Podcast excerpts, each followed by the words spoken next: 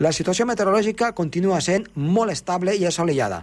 Arriba, però, Setmana Santa i sembla que a poc a poc s'ha d'anar torçant amb un descens de les temperatures al Pirineu, però també la resta. Per tant, no tots els dies seran de bonança, sinó que també esperem algun calte ruixat i potser alguna nevada a les zones més altes. Comença el torn.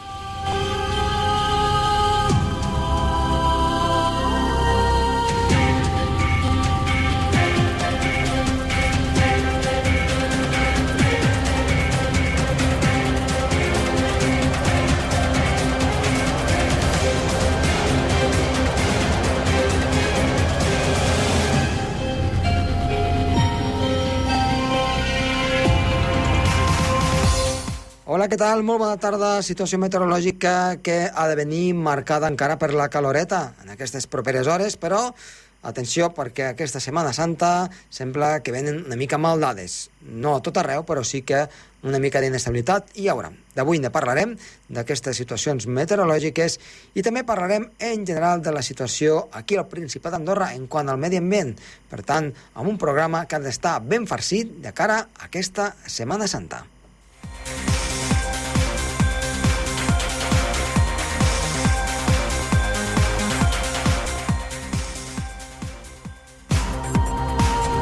El Torn, amb Josep Tomàs.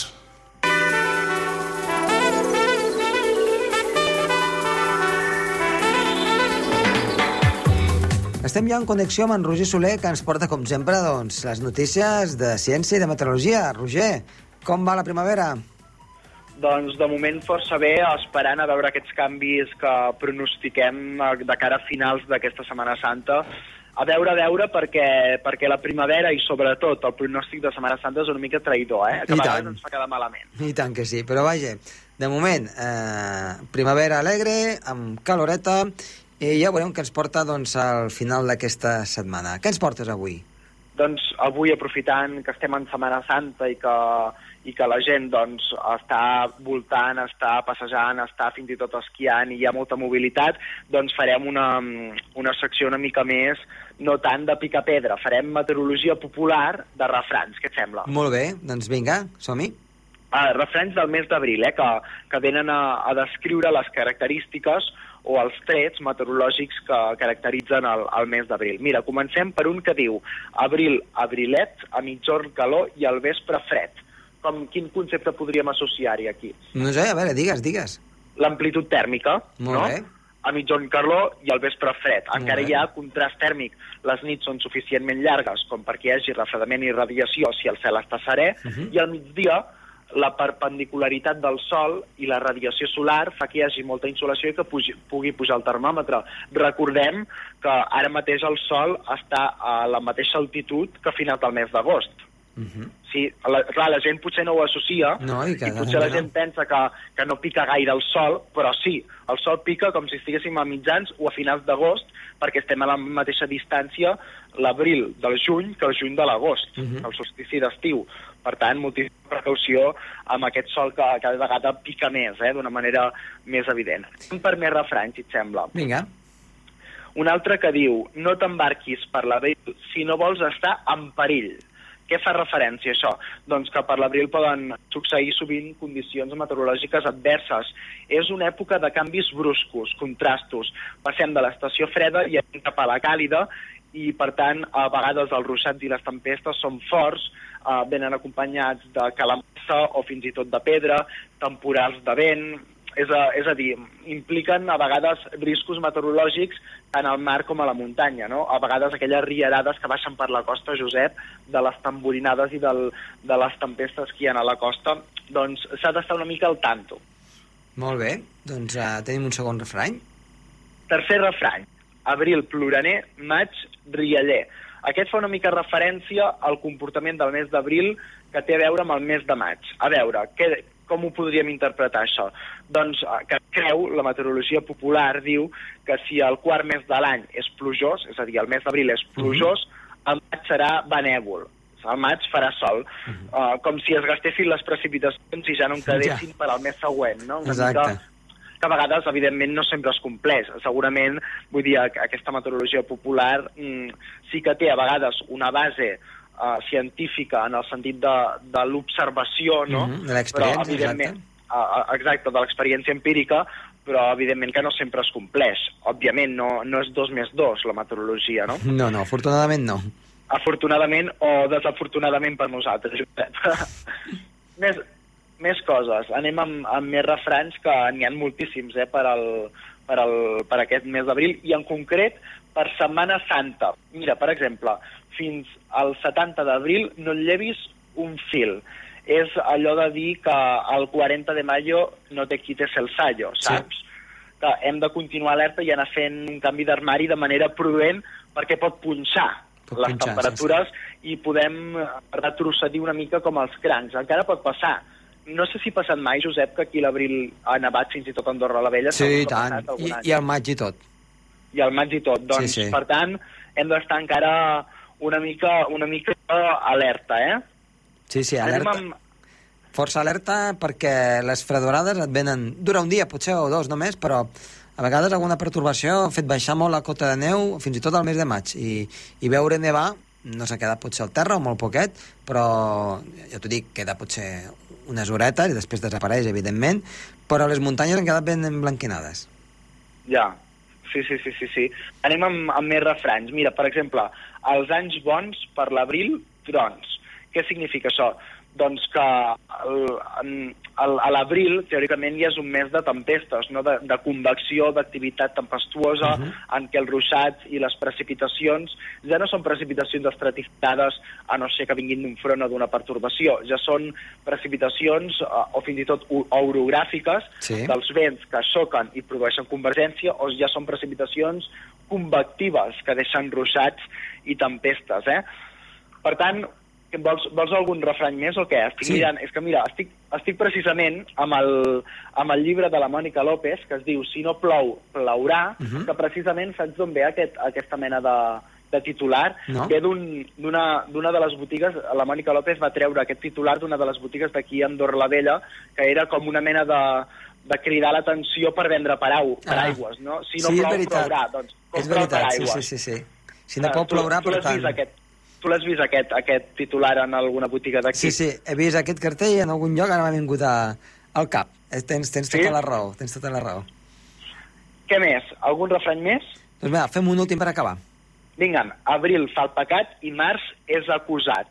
Doncs, igual que passava amb el gener i el febrer, el règim de les precipitacions a l'abril eh, es considera molt important per l'agricultura, no? Mhm. I, en canvi, eh, el març és el que sempre està en el punt de mira dels pagesos. Clar. Què passa? Que el, el tercer mes de l'any, al març, molts conreus inicien el seu cicle vital. Per això les pluges de març es veuen com, com les més importants i les d'abril ja són com de més a més, no? Mm -hmm. Doncs, Doncs eh, aquí ho tindríem. doncs ja ho tenim. Doncs moltes gràcies, Roger, que acabis de passar una molt bona Setmana Santa i ens retrobem dijous vinent. Molt bé, que vagi bé.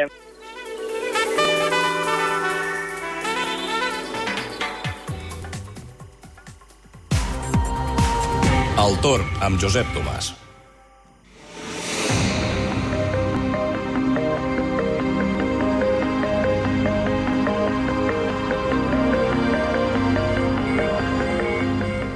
Avui tenim entre nosaltres en l'entrevista del programa Tor a Anna Riveraigua i, i hem parlat moltes vegades amb ella i també doncs, participa en el programa Àrea aquí presentant doncs, eh, els seus llibres a la llibreria La Pussa però avui parlarem doncs, d'altres temàtiques que doncs, d'ella també en surten i que ja ha estat molts anys participant, com és, com són coses doncs, referents al medi ambient, a la natura, i el que li volem primer de tot és saludar-la a la nostra ciutadana d'Andorra, que és l'Anna Riveraigua. Anna, molt bona tarda. Hola, bona tarda. Eh, ciutadana d'Andorra, com estem els ciutadans aquí a Andorra? Com ens veus? Home, bé, no? Anem fent, Anem fent que ja, ja és prou, eh? anem fent i, i esperem que bé. Doncs mira, avui t'hem cridat perquè doncs, eh, sabem que havies estat presidenta de l'ADN, de l'Associació de Defensa de la Natura, havies estat doncs, eh, posada doncs, en molts temes mediambientals, i ha passat un temps, doncs t'has dedicat a altres coses, evidentment, però volem que ens parlis una miqueta doncs, eh, com ens veus ara mateix, quina és la situació actual, i sobretot mm, fem una miqueta de, de vista enrere del que es deia a l'època i sobre el nostre futur i ara mateix si allò que es va predir si s'ha acabat complint o no s'ha no, no s'ha complert. Eh, parlem, per exemple, d'aquell creixement tan bèstia que esperàvem amb els plans d'urbanisme sobre els anys 2000, aproximadament, i amb el que ara mateix està sent. I des de l'ADN aleshores ja vau fer doncs, una miqueta de 5 cèntims sobre el que podia passar. Eh, què en penses de tot plegat? Quina ha estat l'evolució? Home, és molta responsabilitat, eh, això que em demanes, perquè jo no... Bé, de fet... eh, soc una eh, ciutadana sí. bastant ignorant. eh. Jo Però- Però... parlaré el que jo em penso mm, i des de la perspectiva de quan estava en ADN Sí. mm, fins ara, no? Però, de fet, Anna, perdona que et talli, um, des de ADN ja vau dir, aleshores, uh, vau dir una sèrie de coses, no? Llavors, estan escrites i allí estan. I ara... Hi ha constància. Hi ha constància. I ara la realitat és la que és, per tant, mm, tampoc és tan compromès, simplement dir, doncs, ara hi ha aquesta lectura, abans n'hi havia una altra. Sí, no, però mm, fa temps, fa força temps, quan...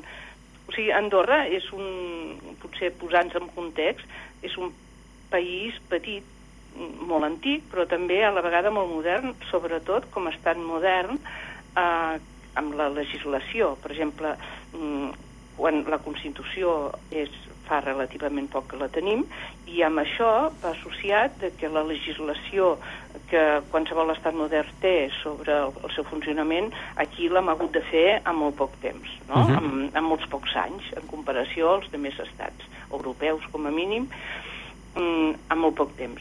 Eh, Llavors, el que ha passat amb tot això és que, clar, eh, amb el tema que parlem ara, la legislació ambiental, doncs s'ha hagut de fer molta i s'ha hagut de fer molt de pressa. Els plans d'urbanisme, que eren una eina importantíssima i necessària per planificar i organitzar el territori, no estaven fets i es van haver de fer per mm, projectar de cara al futur el, el, com s'havia d'organitzar el territori, que sabia a quins usos havia de destinar el sol. Quan es van fer els plans d'urbanisme, i d'això ja parlem, de fa 7 o 8 anys, en aquell moment, eh, des de l'Associació de Defensa de la Natura van presentar al·legacions a tots els plans d'urbanisme. Per què?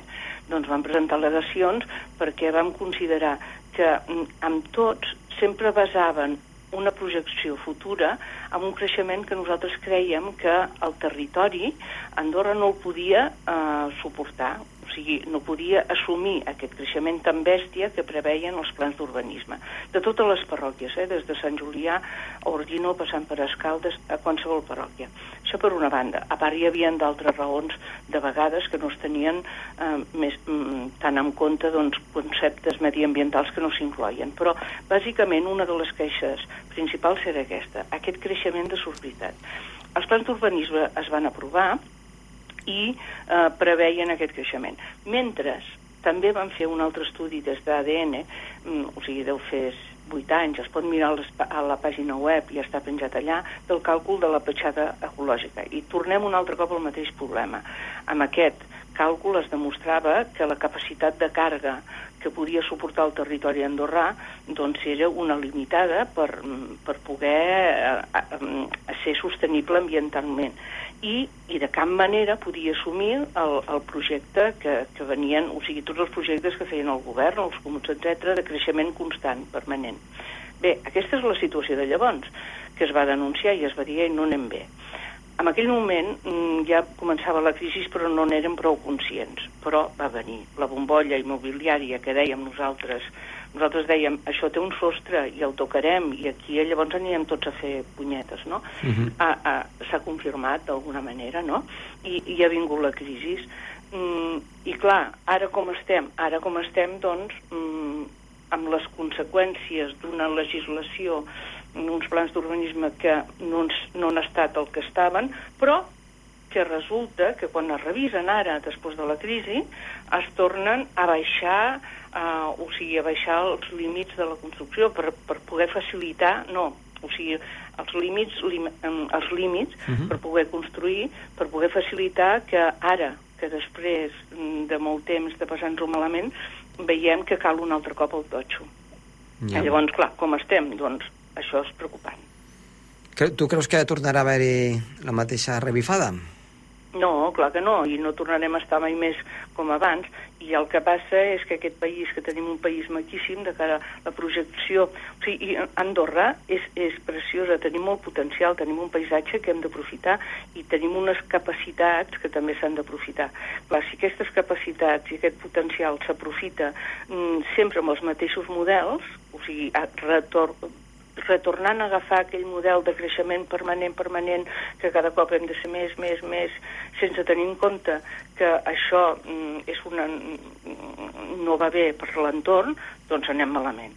Si aquest potencial ens el plantegem ara que hi ha hagut la crisi, cosa que ens, a mi em sembla personalment que no es fa prou seriosament, de dir, ja que hi ha, anat malament, doncs ara el futur ens el plantegem d'una manera diferent.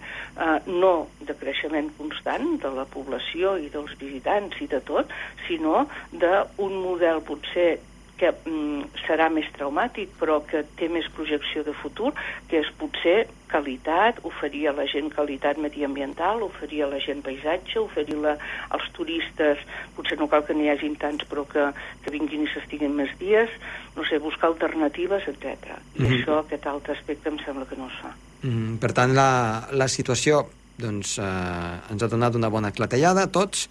Eh, El que passa és que potser no n'aprenem. no n'aprenem prou. Home, jo crec que una mica sí, del tot Una potser no, sí. però perquè, clar, doncs queda, queda una senyal, no? I, i ja sabem doncs, el, el que pot passar. Um, una mica, doncs, per repassar, uh, has fet menció, ja ho hem dit altres vegades en aquest programa, però eh, ens agradaria doncs, que els nostres oients, doncs, per si no se'n recorden o no ho han escoltat mai, que és la petjada ecològica, perquè si doncs, se'n facin una mica 5 cèntims. Sí, bueno, la petjada ecològica és... Eh, això és un, un, un indicador que mm, és simbòlic, no? Igual com tu tens el, el, la renta per càpita d'un país per veure si aquest país és molt ric o no, eh, tu dius la renta per càpita de França és tant, i això vol dir que doncs, té riquesa, que la gent que viuen allà viuen bé. La petjada és un indicador, la petjada ecològica és un indicador com la renta per càpita, calculat d'una altra manera, per dir-ho d'algun així de forma senzilla, Mhm. no?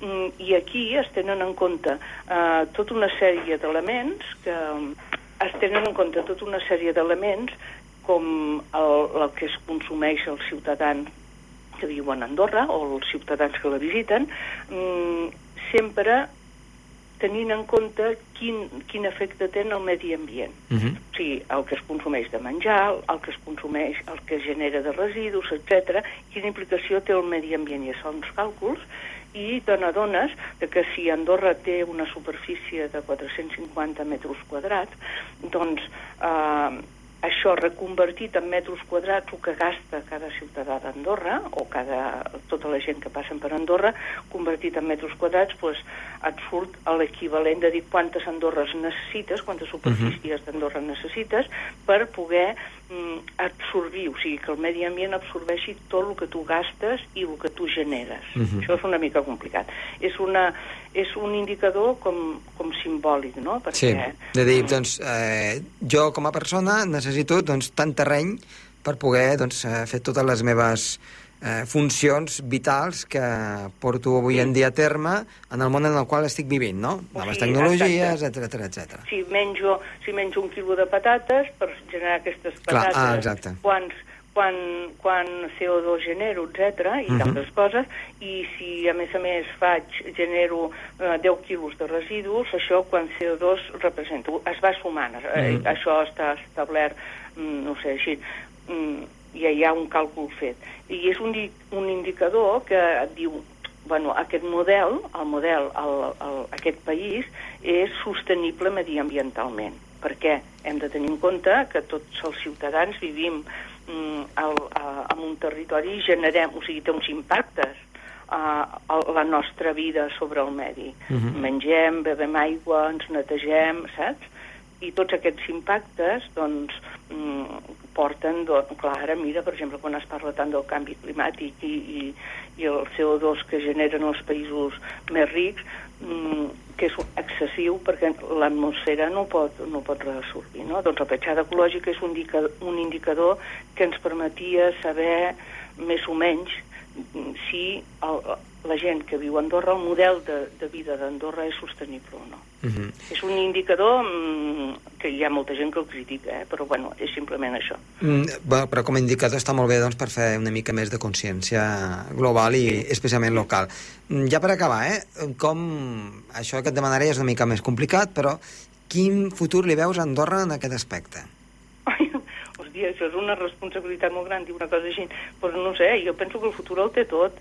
Si som capaços tots plegats d'encarar el futur, eh, tenint en compte que mm, no s'ha de créixer fins a l'infinit i que potser el que cal és en vez de, de plantejar-ho tot des del punt de vista de creixement, ho podem plantejar-ho tot des del punt de vista de qualitat, encara que això representi un impacte mm, més a curt termini, mm, si som capaços de fer això, doncs jo crec que el tenim tot el futur, perquè aquest país és un país molt maco i tenim moltes possibilitats.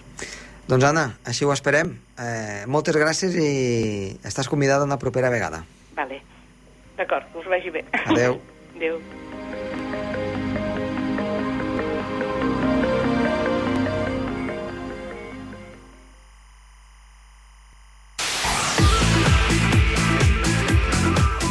Doncs bé, anem també per feina, que ens queda molt poquet i volem explicar una miqueta què és el que ens espera aquest eh, pont, de fet, aquesta Setmana Santa en quant al temps. Comencem per aquí, pel Principat d'Andorra, que és persones que vagin a esquiar a l'alta muntanya, un divendres un dissabte, tranquil, assolellat, potser dissabte amb una mica més de nuvolositat, però de moment sense precipitacions i amb unes temperatures amb tendència a davallar una mica, per tant, amb una situació meteorològica força agradable, això sí, amb neu primavera, evidentment, amb aquestes altes temperatures i amb un perill de llaus de moment 2 sobre 5, per tant, un perill marcat, atenció, doncs, amb aquest aspecte. Diumenge i dilluns, atenció que arriba una pertorbació que pot ser activa, especialment de cara a dilluns, i pot deixar nevades cap als 1.800 a 2.000 metres. Per tant, un descens de les temperatures. Acabaríem doncs, la temporada amb aquesta davallada de temperatures i amb aquestes nevades a l'alta muntanya. Per tant, tindríem una mica de tot per tots els gustos. Fora del Principat d'Andorra, si se man cap a les costes, l'aigua de mar està molt freda, per tant, per banyar-se encara la situació doncs, és una mica complicada en aquest sentit, però això sí, en quant al temps, un divendres i un dissabte, en general força tranquil, augmentant els núvols ja de cara al que és dissabte, i diumenge i dilluns la mateixa situació que aquí al Pirineu, amb alguna altra clariana, però sí que s'espera que arribi aquesta pertorbació i que pugui ser activa, especialment de cara al que és la jornada de dilluns. Per tant, una situació meteorològica marcada per aquestes precipitacions, aquesta lleugera davallada de les temperatures, i per tant la moda, la mona potser serà una mica passada per aigua que ens haurem de, de menjar més aviat a cobert. En definitiva, doncs, una miqueta de tot, de cara al que és el dissabte, el diumenge, el dilluns i també aquest proper divendres.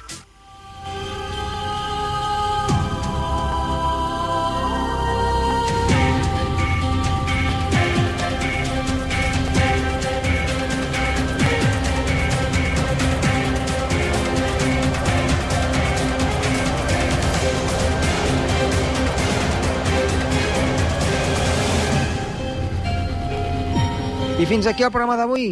Esperem que els hagi agradat. Tornarem dijous vinent i atenció doncs, que la situació meteorològica, com els hem dit, doncs, pot complicar una mica de cara a diumenge i dilluns. A les vies de so ha estat Andreu Tastoi i que els ha parlat de molt de gust Josep Tomàs. Que tinguin unes bones vacances.